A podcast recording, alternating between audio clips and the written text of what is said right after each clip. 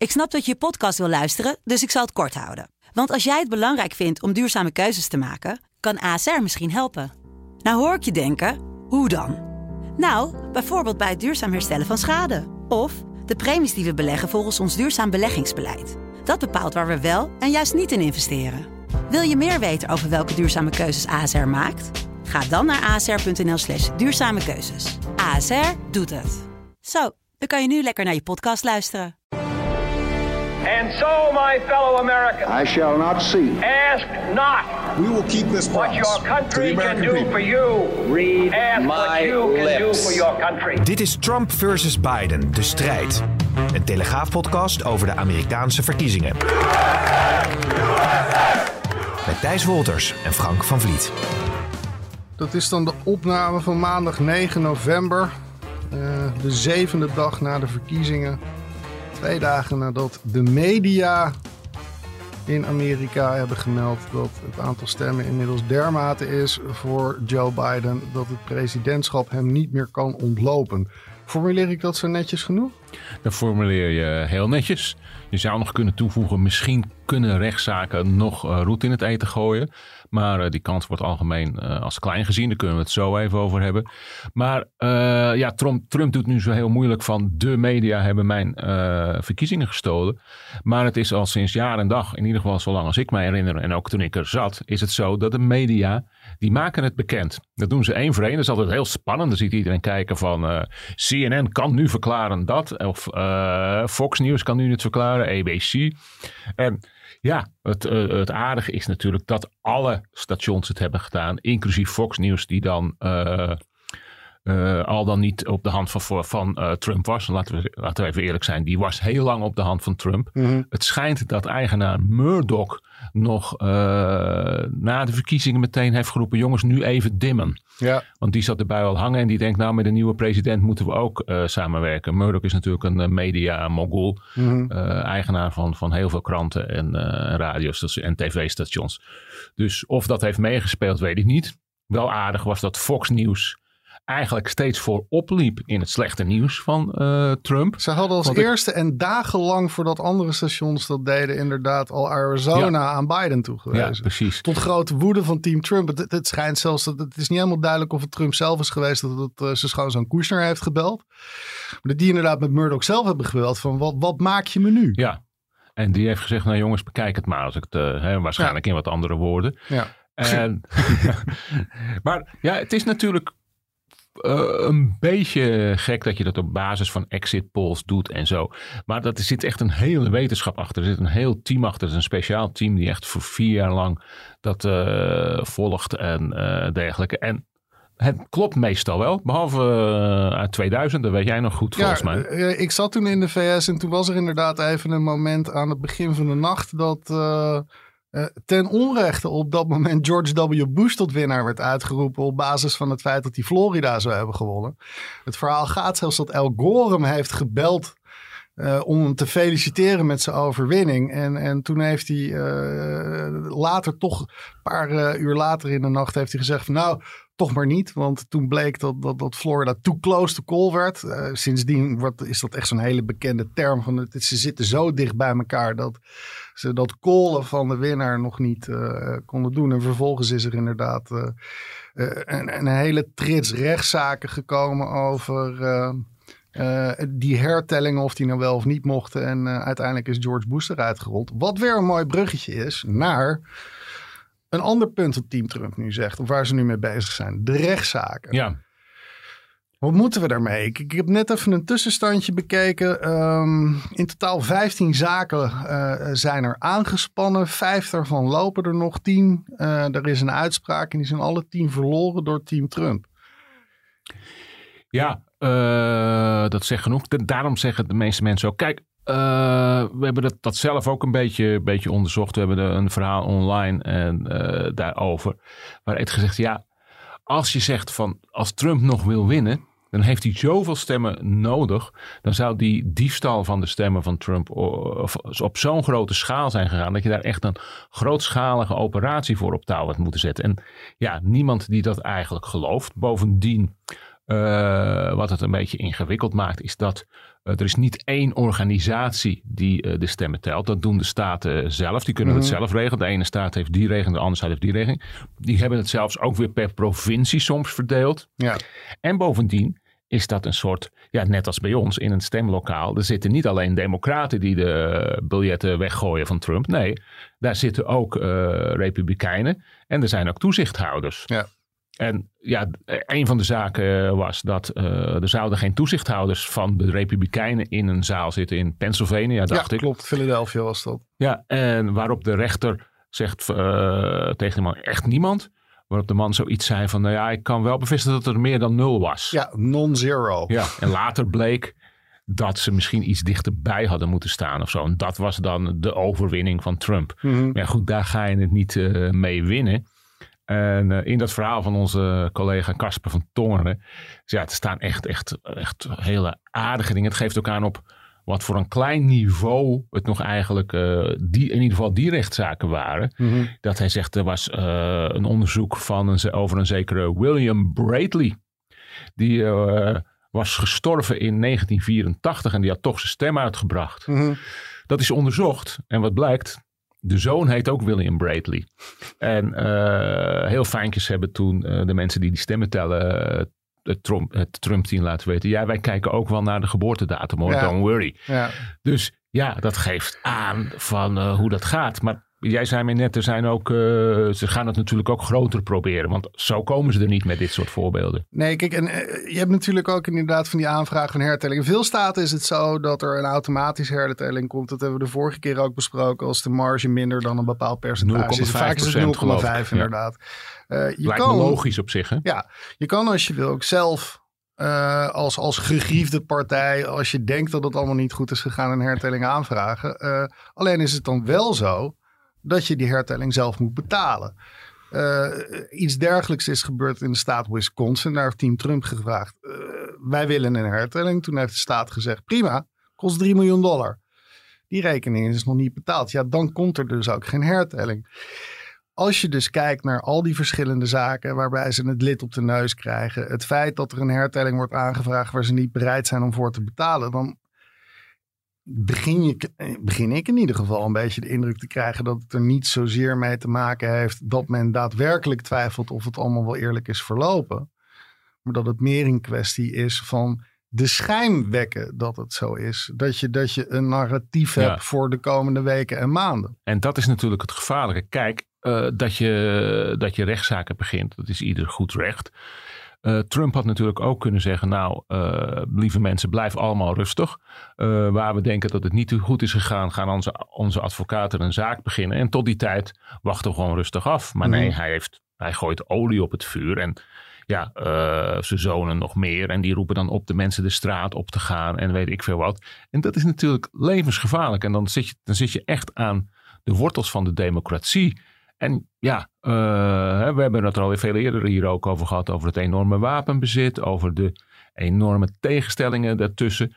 Dus ja, dat is bijna vragen om moeilijkheden. En ja, ik vind het eerlijk gezegd gewoon eh, schandalig. Nogmaals, je mag het betwisten. Ja. Maar doe het dan netjes. Als je grieven hebt, zei Bush, eh, prima. maar kom sowieso met bewijs. En inderdaad, begin een rechtszaak. En, en dan zal inderdaad de rechter oordelen. Maar goed, in alles wat we tot nu toe wat dat betreft hebben gezien... eh, eh, is er dus niet echt... Het- wekt dat niet heel erg veel vertrouwen in, eh, in Team Trump, om het zo te zeggen. Een Nee, ander en- belangrijk... Ja, Ja, nee, en wat, wat natuurlijk. We leven natuurlijk echt in tijden waar we het over fake news hebben. Een begrip dat eigenlijk nog groter is geworden dankzij Trump. Mhm. Die daar eh, constant op heeft gehamerd. En eh, een tijd van QAnon, waar mensen, mensen geloven dat er een internationaal pedofiele wer- netwerk is van leiders.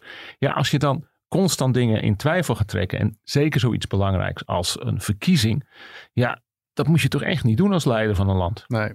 Tegelijkertijd zag je dus ook de internationale gemeenschap zaterdagavond en, en in uren en eh, dagen daarna inmiddels ook al heel duidelijk aangeven, wij vertrouwen dit wel. Een van de eerste mensen die, eh, een van de eerste regeringsleiders die, die Biden feliciteerde, wat het een teken aan de wand was, omdat het natuurlijk een, een, goede vriend van Trump was, was Boris Johnson, de Ja. premier van Groot-Brittannië.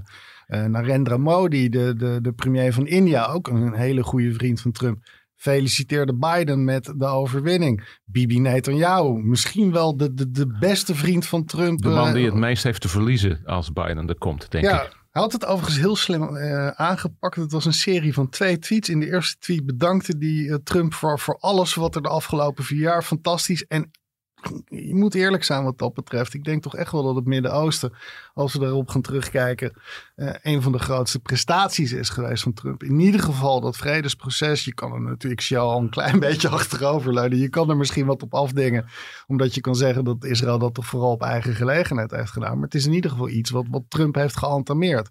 En gisteravond waren er Het duurde even, een dikke 24 uur, maar zelfs de felicitaties uit Saudi-Arabië Ja. van koning Fat en, en vooral van eh, zijn zoon de kroonprins eh MBS, Mohammed Ja. bin Salman. Ja, het vreemde is natuurlijk wel dat eh, de landen die er misschien echt toe doen, eh, Rusland en China, nog niet hebben gereageerd. Nee, Eh, dat werpt weer een rare blik op eh, de vriendschappen misschien, of al dan niet vermeende vriendschap tussen Poetin en Trump. Hoewel Trump in het openbaar eigenlijk Rusland altijd keihard heeft aangepakt. En China natuurlijk ook keihard heeft aangepakt. Misschien vinden ze het fijn om hem nog even te laten bungelen.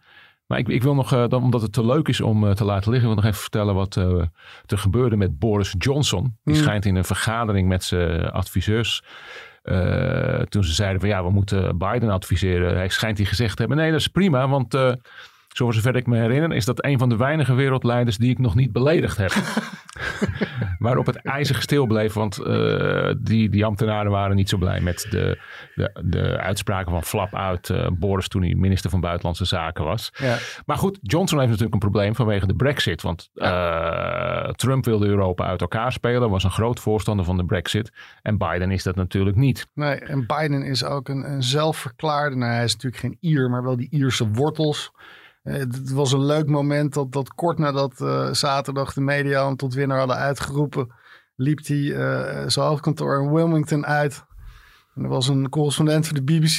Mr. Biden, a word for the BBC, please. Guys, I'm Irish. En hij liep door. maar dat wordt natuurlijk Ja. dat, dat een ander probleem. Maar dat Dat- is, maar als ik, ja, dat is. Iedere president in Amerika vindt ergens wel Iers bloed. Want er wonen zoveel Ieren in, in Amerika, die, die Ierse Amerikanen. Maar goed, dat terzijde. Nee, het, eh, wat, het is natuurlijk wel iets wat gaat spelen. Want Johnson heeft die deal nodig met de Verenigde Staten vanwege Brexit. En eh, hij mag misschien eh, Biden zelf niet hebben beledigd. Het schijnt dat er met name bij Kamala Harris nog wel wat rancune Ja. zit ten opzichte van Johnson. Vanwege de manier eh, waarop Johnson met Obama is omgegaan. Eh, Johnson is ooit eens kritisch geweest dat... eh, Obama in 2015 meende ik een, een buste van Churchill had verwijderd uit het, het Witte Huis. En daar had Uit Johnson de over, Oval Office. eh, precies uit de Oval Office. En daar had Johnson over gezegd dat zal wel iets te maken hebben met zijn Keniaanse roots. En ik, ik las een artikel van de Times gisteren en daarin werd ook al geschreven van Harris, die is daar echt niet blij mee. Die, die, die, die gaat hem daarop terugpakken. Dus denk niet overigens dat je dat soort rancune mee moet laten spelen in je internationale betrekkingen. Maar op de niks, achtergrond maar- speelt dat wel mee, denk ik. Ja, het helpt niet natuurlijk. Nee. Het helpt niet. Nee. Maar wat denk jij nou van, van, van China en, en, en Rusland? Wat zit daarachter? Waarom Nou- kijken die kat nog steeds uit de boom? Ik, ik las één interessante theorie in ieder geval over Rusland. Daarvan werd gezegd van je moet dat vooral zien als voor eigen consumptie. Eh, als je nou laat zien wat een puinhoop democratie kan opleveren. En dat zou natuurlijk ook in het geval van China, eh, sterker nog voor in het geval van China kunnen doen. Omdat Rusland in ieder geval nog de, de, de, de pretentie ophoudt een democratie te zijn. Eh, je kan hiermee heel duidelijk laten zien van dit gebeurt er dus op het moment dat je de democratie zijn gang laat gaan. Dan, dan is dit de puinhoop die je krijgt. Een andere theorie, en dat was dan met name wat betreft Poetin, eh, wat meer in, eh, eh, in het veld van de internationale betrekkingen was. Op het moment dat hij in de lame duck periode van Trump nog een deal met de Verenigde Staten moet sluiten, moet hij Trump natuurlijk wel te vriend houden. Dus op het moment dat hij die felicitaties voor Biden lang tegenhoudt, Welke deal precies zou ik niet helemaal weten. Het enige wat ik nog zo snel kan bedenken is dat eh, het, eh, eh, het zogenaamde New Start-verdrag over intercontinentale Ja, raketten loopt kort nadat. Is eh, dat de de Saal inaug- 2?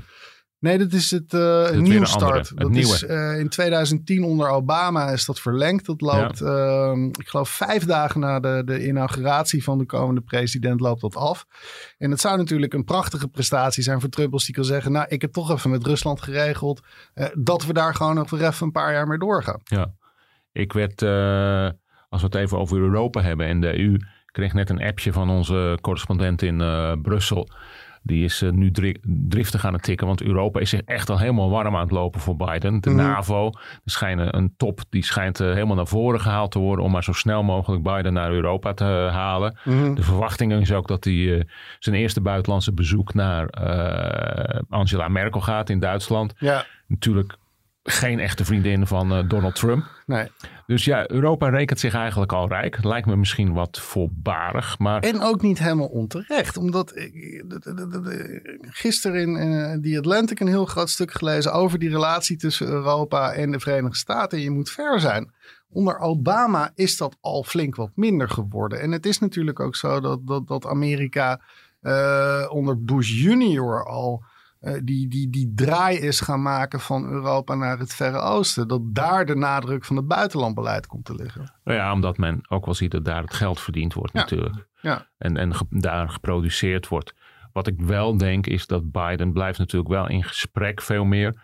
En zal ook coalities gaan vormen, maar dan gericht op zijn China-beleid. Ja. Daar kan hij natuurlijk best partners bij gebruiken. Ja. En uh, ik schreef het zelf in mijn column ja, voor iedere Amerikaanse president. Ik bedoel, uh, Trump riep het natuurlijk America first and make America great again. Maar dit is de boodschap die eigenlijk iedere Amerikaanse president heeft. Want die Amerikanen die hebben helemaal niks met het buitenland. Althans een heel groot deel daarvan. Die, die Mhm. hebben niet eens een paspoort in, in de mid-states. Want die hoeven het land nooit uit. En ja, net zoals hier natuurlijk. In eerste instantie moet je voor je eigen mensen zorgen. En dan maar eens kijken hoe het verder gaat. Ja. Het probleem met Amerika is, als grootmacht word je overal meteen bij betrokken. Mhm. Dus ze, ze ontkomen er vaak niet aan, ook al willen ze het wel. Nee. Zitten dus nu in die lame duck periode. Ehm, Trump heeft zich min of meer in zijn witte huis opgesloten. Uh, je ziet nu, dit, wat ik wel interessant vind, en daar hebben we het nog niet echt over gehad, is uh, dat je wel wat prominente republikeinen ziet die Biden hebben gefeliciteerd. Maar dan heb je toch over het algemeen over republikeinen die uh, niet meer in office zijn op wat voor manier dan ook. Zoals Bush waar we het net over hadden. De enige prominente senator, uh, voor zelfs de enige prominente politicus, republikeinse politicus uit het congres, die ik me even voor de geest kan halen, is uh, Mitt Romney, die uh, Biden ja. heeft gefeliciteerd. Maar ja, wat er gebeurt, Mitt Romney wint altijd wel Iowa. Ja, dus, Utah, ja, oh, sorry, precies. Utah, ja. ja. ja. um, tegelijkertijd zie je nu bijvoorbeeld iemand als Lindsey Graham. Uh, die, die zeker in de laatste twee, drie jaar een hele trouwe bondgenoot uh, is geweest uh, in de Senaat van, van, van Trump. Nog steeds niet wil die toegeven dat Biden de verkiezingen heeft gewonnen. Ja. Tegelijkertijd zie je hem wel al praten over de periode die er nu aan gaat komen. Die, die transitieperiode, regeringsvorming. Uh, het wordt natuurlijk nog even spannend in uh, begin januari wie nou die senaat gaat krijgen. Ja, dan, we gaan Georgia. dan met z'n allen terug naar Georgia inderdaad. 5 januari uh, zijn er twee runoff verkiezingen. Dus twee senatoren uit de staat Georgia die min of meer gaan bepalen wie de meerderheid in de senaat gaat krijgen. Tegelijkertijd moet Biden nu al wel zijn ministersploeg gaan samenstellen. Je kan toch niet anders dan concluderen dat hij door het midden zal gaan. Je ziet dat mensen roepen van oh, nu wordt het super links in uh, Amerika.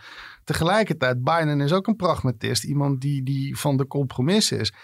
Die begrijpt ook wel. Ik heb de Republikeinen nodig als ik mijn ministers uh, goedgekeurd wil krijgen. Nou ja, en dat is natuurlijk ook de reden waardoor hij door het partij-establishment toen toch wel eigenlijk, hoewel hij uh, wat oud was, werd gesteund. Want Joe is de man die, die, die Joe fix het wel. Die kon ja. altijd met republikeinen door één deur. Ja. En uh, Bernie Sanders en uh, dat soort types natuurlijk niet. Nee. En ja, dat vinden, vinden link, de linkskant niet leuk. Maar ja, die zullen voorlopig misschien even hun mond moeten houden. Ja. Omdat, omdat ze denken van, nou ja, laten we eerst maar eens kijken. En daarna gaan we die, die Biden wel naar links du duwen. Maar ja, dat valt uh, inderdaad te bezien. Dit is wel interessant. Want je ziet inderdaad in het centrum, of in, in dus, laten we zeggen de behoudende kant van de democraten, die geven aan van laten we alsjeblieft niet te rancuneus zijn en, en eh, laten we de, de, de Republikeinen die Trump hebben uh, gesteund toch wel een, een, een, kans geven om met ons samen te werken. Terwijl op die linkerflank van de Democraten, daar zijn ze bijna proscriptielijsten aan het opstellen van, van, van mensen met wie afgerekend moet worden. Doodeng eigenlijk. Ook niet heel democratisch. Nee, want ja, laten we het wel zijn. Uh, bijna de helft heeft voor Trump gestemd.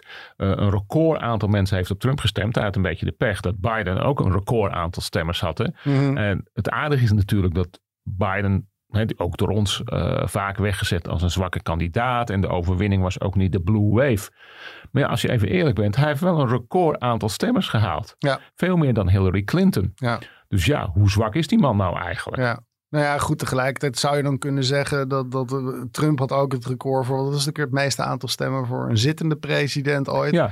Uh, hij is er niet herkozen, maar dat is in ieder geval een prestatie. Ik geloof dat de opkomst het hoogste was in 120 jaar. Ja, in ieder geval uh, relatief gezien. Ja, precies. Dus en het, het is natuurlijk dat hij zou een uitweg zijn voor Trump. Kijk, Trump heeft, ik, ik heb een keer een, een, speech van hem gezien, of een rally speech, waarin hij tegen zijn mensen zei van, uh, hey guys, wat moet ik nou doen als ik van uh, de slechtste kandidaat ooit verlies? Nou ja, dan ga ik maar het land uit en iedereen ja. lachen. Dat gebeurt niet. Nee. En de man die, die hates to lose, die verliest nu. En ja, dan krijg je dit. Maar in principe, als je nou zegt een, weg uit, dan zou je kunnen zeggen: Nou ja, jongens, ik heb uh, meer zwarte, getrokken, uh, zwarte kiezers getrokken dan ooit. Meer Latino-stemmers meer dan ooit. Ik heb mijn, partij, mijn partij meer, uh, wat willen we zeggen, multiculti gemaakt. En ik heb meer stemmen dan ooit een Republikeinse, pre, of, of meer dan 120 jaar een Republikeinse president gemaakt. Dus hij zou eigenlijk met opgeheven hoofd het uh, Witte Huis kunnen verlaten. En dat dat niet gebeurt, ja, dat ligt aan zijn eigen hoogmoed, denk ik. Maar wat, wat, wat kunnen we nou wat dat betreft verwachten? Uh, gaat hij nou, laten we bij wijze van spreken zeggen, tot, tot kerstmis nog uh, volhouden van het was allemaal oneerlijk en uh, slipt hij dan in, als een dief in de nacht uit het Witte Huis weg alvast. Gaat hij in Mar-a-Lago zitten in Florida. En vanuit daar wordt hij dan een soort, voor de Republikeinen althans, een soort orakel in het zuiden. Die uh, toch in ieder geval vanaf de zijlijn de koers van die partij blijft uh, bepalen. Want die Graham waar ik het net al over had, die gaf zelf ook duidelijk wel aan. Van, ja, die man blijft wel invloed houden op onze partij. Ja, het zou helemaal, het zou inderdaad zo kunnen. En wat een goede vriend van mij laatst zei. Kijk, wij zijn allemaal uh, keurige mensen die denken van je moet het keurig doen volgens de regeltjes. Hè. Je moet je, je, je tegenstander feliciteren, want dat hoort zo. Je moet, je moet als je Obama verslaat, moet je zijn portret laten ophangen in het Witte Huis, want dat is de traditie. Maar deze man is natuurlijk gekozen op een basis van daar breken we breken met alles. We, uh, we drain the swamp. Ja. Dus ja, ik denk, je, kan, je moet met het zwartste scenario rekening houden. Echt waar. En alles wat meevalt, valt mee. Ja, en, en, dat hangt er misschien ook af van, ja, gaat hij eens op een gegeven moment naar anderen luisteren? Ja, want dat is, er wordt, als je in ieder geval de, de, de, de, de, de, de berichten in de Amerikaanse media mag geloven, tot aan zijn vrouw Melania aan toe inmiddels druk op hem uitgeoefend van geef nou gewoon toe dat je verloren hebt. Uh, ze, juridische team zegt van het is gewoon niet te winnen wat we nu doen. Als we al wat stemmen hiermee terugwennen, is dat gewoon uh, bij lange na niet voldoende om, om uh, de uitslagen in die swing states op, die manier, op zo'n manier te laten draaien dat we daar alsnog winnen. Maar tegelijkertijd wat je aangeeft, het is niet iemand die, die, die tegen zijn verlies kan. Dus voor hetzelfde geld zegt hij van uh, sodemiet er allemaal maar op. Ik blijf gewoon op deze weg doorgaan. Hij heeft natuurlijk, uh, hij zegt het zelf al gezegd, ik ben een slechte verliezer. Ja. Dus uh, wat dat betreft is alles duidelijk. ja, in, in, in het extreme geval moet straks voor 20 januari dus zijn eigen Secret Service hem de deur uitzetten. Ja. Ja, ik dat zie ik dan ook weer niet gebeuren. Hij heeft het wel zelf gezegd, althans ook weer volgens uh, anonieme bronnen rond hem heen, dat ze hem kicking en screaming uit het Witte Huis moeten trekken. Ja, dat zou een fantastische televisie zijn. En uh, voorpagina foto voor ons. Maar ja, ik zag al inderdaad iemand op Twitter roepen van als je daar een pay-per-view event van maakt, dan trekt hij daar zoveel geld mee binnen dat hij het presidentschap in 2024 kan kopen, bij wijze van spreken. Ja, precies. En het luister, als hij nog door wil in 2024, is natuurlijk, jongens, ik wil terug. Ze hebben mijn eh, Verkiezingen gestolen. gestolen. Is natuurlijk een mooi begin om een campagne te voeren. Ja. En, eh, en, er, en dus ja, hele hordes van mensen zullen dat blijven geloven. En eh, ja, wij zitten vanaf de zijkant. We hebben daar voor de rest geen emotie bij. Ik bedoel, eh, ja, voor ons maakt het niet uit wie de president wordt. Nee. Maar ja, als je zal maar eh, je hele leven opgehangen hebben aan Trump om hem. En die mensen zien hem echt als een idool. Hè? Ja. Het Dus- is een beetje de Reagan van de 21ste eeuw wat dat betreft. Met de sentimenten die in ieder geval bij een groot deel van die stemmers los te maken. Ja, alleen was Reagan wel meer een gentleman en had nog gevoel voor humor. Ja, En dat zijn dingen, die kwaliteiten die Trump niet heeft. nee, nee. We gaan het allemaal zien. Het, het fijne is wel, we hadden het natuurlijk bij die vorige aflevering over. Als het een beetje tegen zit, dan gaan we in ieder geval nog wel tot begin volgend jaar door met die podcast. Op deze manier is dat Ja. een gegeven. Ja, we zullen door moeten gaan tot, eh, tot 20 eh, januari. Januari, de inauguratie En, eh, inderdaad. Ja, en dan gaan we ook kijken, gaan we tellen hoeveel mensen er waren bij de inauguratie. Of er meer of minder waren. Dan, Foto's dan naast Trump. elkaar leggen. Ja, dus we kunnen gewoon op, op herhaling. En laten we wel zijn, als Trump recht voor kiest om in de oppositie te gaan. Ja, we weten hoe hij de aandacht weet te trekken. Ja. Dus ja, wij praten dit wel vol en schrijven onze krant wel vol.